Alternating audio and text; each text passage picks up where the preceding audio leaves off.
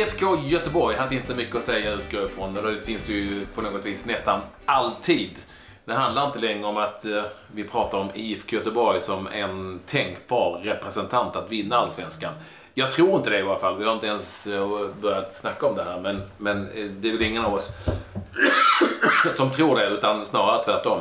Kanske tror att eh, IFK Göteborg får Eh, ja, jag vet ju inte, men jag tror att de får, eh, kommer att få kämpa hårt även i år. För att de står ju inför en situation eh, där de inte längre är en eh, power i allsvensk fotboll. Inte som läget är just nu. Ja, det här kan ju bli en riktig rysare. Jag tror att om det börjar dåligt för IFK Göteborg så kan de vara med och, och eh, uh, fightas om att försöka få hålla sig, hålla sig kvar i Allsvenskan.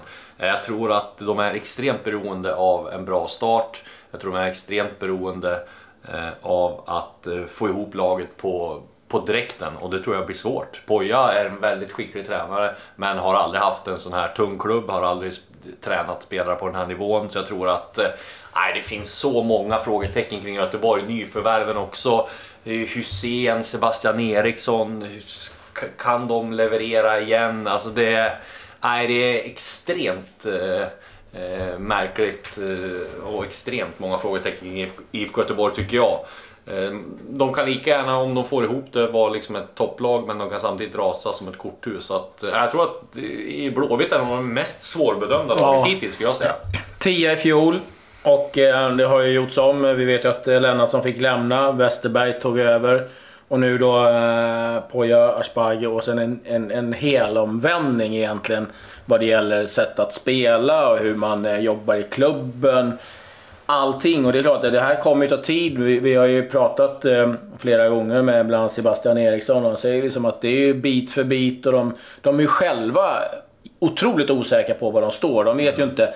Däremot ska jag säga, jag tycker att det, det var på tiden att man gjorde någonting och att man också utåt sett nu kan jag tycka att de pratar guld 2021 är lite väl eh, tidigt kanske till och med, men att man någonstans trycker ner förväntningarna. Att man, vi ska inte vara med och fightas om några guld eller någonting. Nej. Utan, eh, kommer de i mitten så tror jag att de är ganska nöjda. För jag tror att hela, hela klubben står och in, ingen vet. Nej, de, står på en väldigt skör grund och jag är enig med er bägge två här faktiskt. Att eh, det, det, här kan bli en rysare för IFK Göteborgs fans. Och också med att ja, det behövde, det var ju på tiden att det hände någonting. Det behövdes verkligen göra någonting. Annars tror jag det kunde sluta ännu värre. Och det är ju och det är också just det, som du säger här Claes, Eh, som gör att det här eh, är någonting som kan eh, falla ihop fullständigt. För att när man gör den här typen av nya, helt ny, relativt oprövad tränare med ett, med ett lag som, ja, jag måste säga att tittar vi på truppen så, så, är, så är det här ett osäkert allsvenskt lag. Så man gör en sån grej, en sån omvälvande förändring, då kan det sluta illa. Och det, det, det, de, de, det, det är en läskig situation för IFK Göteborg. I deras enda tävlingsmatch här på, riktiga tävlingsmatch ska vi säga här på, på, på våren mot Malmö FF så fick jag en känsla av i den cupmatchen att tyckte att man var väldigt nöjda. IFK Göteborg var väldigt nöjda med att de bara förlorade med 1-0. Det är klart att de inte var nöjda med att förlora men var nöjda med hur de hade spelat ändå. Nej, men jag de tror att... De hade ju knappt en målchans. Nej, men jag tror att de är i det läget att de inte känner att de vill bara... Tänk om vi blir överkörda med 7-0. Ja. Då är det liksom... Då är ja, det, det är riktig käftsmäll. Göteborg. Nej, nej. Absolut inte. Men eh, det som jag är alltså mest orolig för om man tittar på med IFK Göteborg-ögon. Det är ju att Asbaghi är oprövad, 32 år. Han har en sportchef som är, är gärna... Jätte, äh, otroligt spännande och ett bra val. Däremot så kan han stå emot för att eh, Gren kommer vara inne där och vilja peta och, och, och ha synpunkter på hur det ska spelas och vem som ska spela. Men är det så verkligen? Ja, det är jag rätt säker på. Och då är jag liksom, orkar han och pallar han stå emot? Du som har koll på allsvenska lagen. Ja, det känns ju så. Det känns ju som om... Eh... Är det så?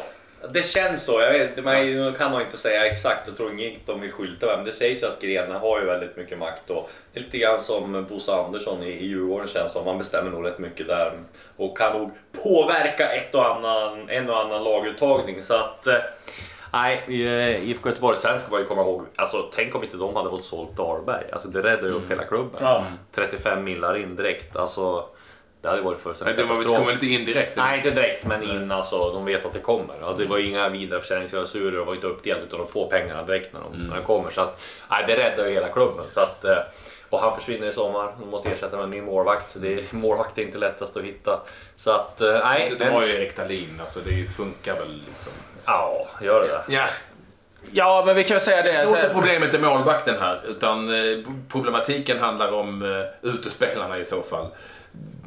Vem ska äga? Ska Mix Diskerud styra upp det mittfältspelet? Som är han på lån Som är på lån. till sommaren. Nej, fram till premiären. Ja, till premiär. det, det, det, det är årets värvning. Du Nej, nej men förstår vad jag menar? Det kommer väl bli förlängt utgår. Ja, vem, ska, vem, ska, vem ska dunka in målen när man nu väljer att använda Tobias Hysén sparsamt uppenbarligen på försäsongen? Nio mål i fjol. Ja, och jag ja, menar, menar då det gjorde han ju en, en, en säsong kanske Ja. som var lite över förväntan. Jo, men han var ju inte yngre. Nej, Nej, men är, det- är det liksom Omarsson som ska eh, vända upp och ner på IFK Göteborg? Patrik Karlsson Lagermyr givetvis finns också så ung och lovande. Men, Hacka. men titta på deras trupp. Ja, men ja, vi kan väl ta det som har kommit in. Starfelt från BP, mycket intressant. Kallisir, J Södra. Sakor, Afan, vet man inte riktigt. Det Ingen kan aning. bli jättebra, det kan bli jättedåligt. Det finns ju en potential där som givetvis är stor. Ingbrektsen från eh, Tromsö. Eh, Karjashvili, Georgien. Och eh, Viktor Wernersson ifrån eh, eh Vejle. Vi har liksom Diskerud då som, ja, vi vet inte riktigt hur han spelar. Men ut då, det är Rashak. Eh, Boman, Riks, Rogne. Sen tidigare då också eh, Mats Ahlbäck, eh, Bjärsmyr och eh, Alvbåge då, så, som, som, har- som har försvunnit. Och precis som du säger eh, Patrik, eh, den här truppen, jag vet inte riktigt. Bland dem var ju Boman också en väldigt pålitlig allsvensk spelare. Ja, ja, han gjorde åtta mål. Ja, så, äh, tittar vi på den här truppen så kan jag säga att det eh, hjälper inte att de har IFK Göteborgs anrika tröjor på sig.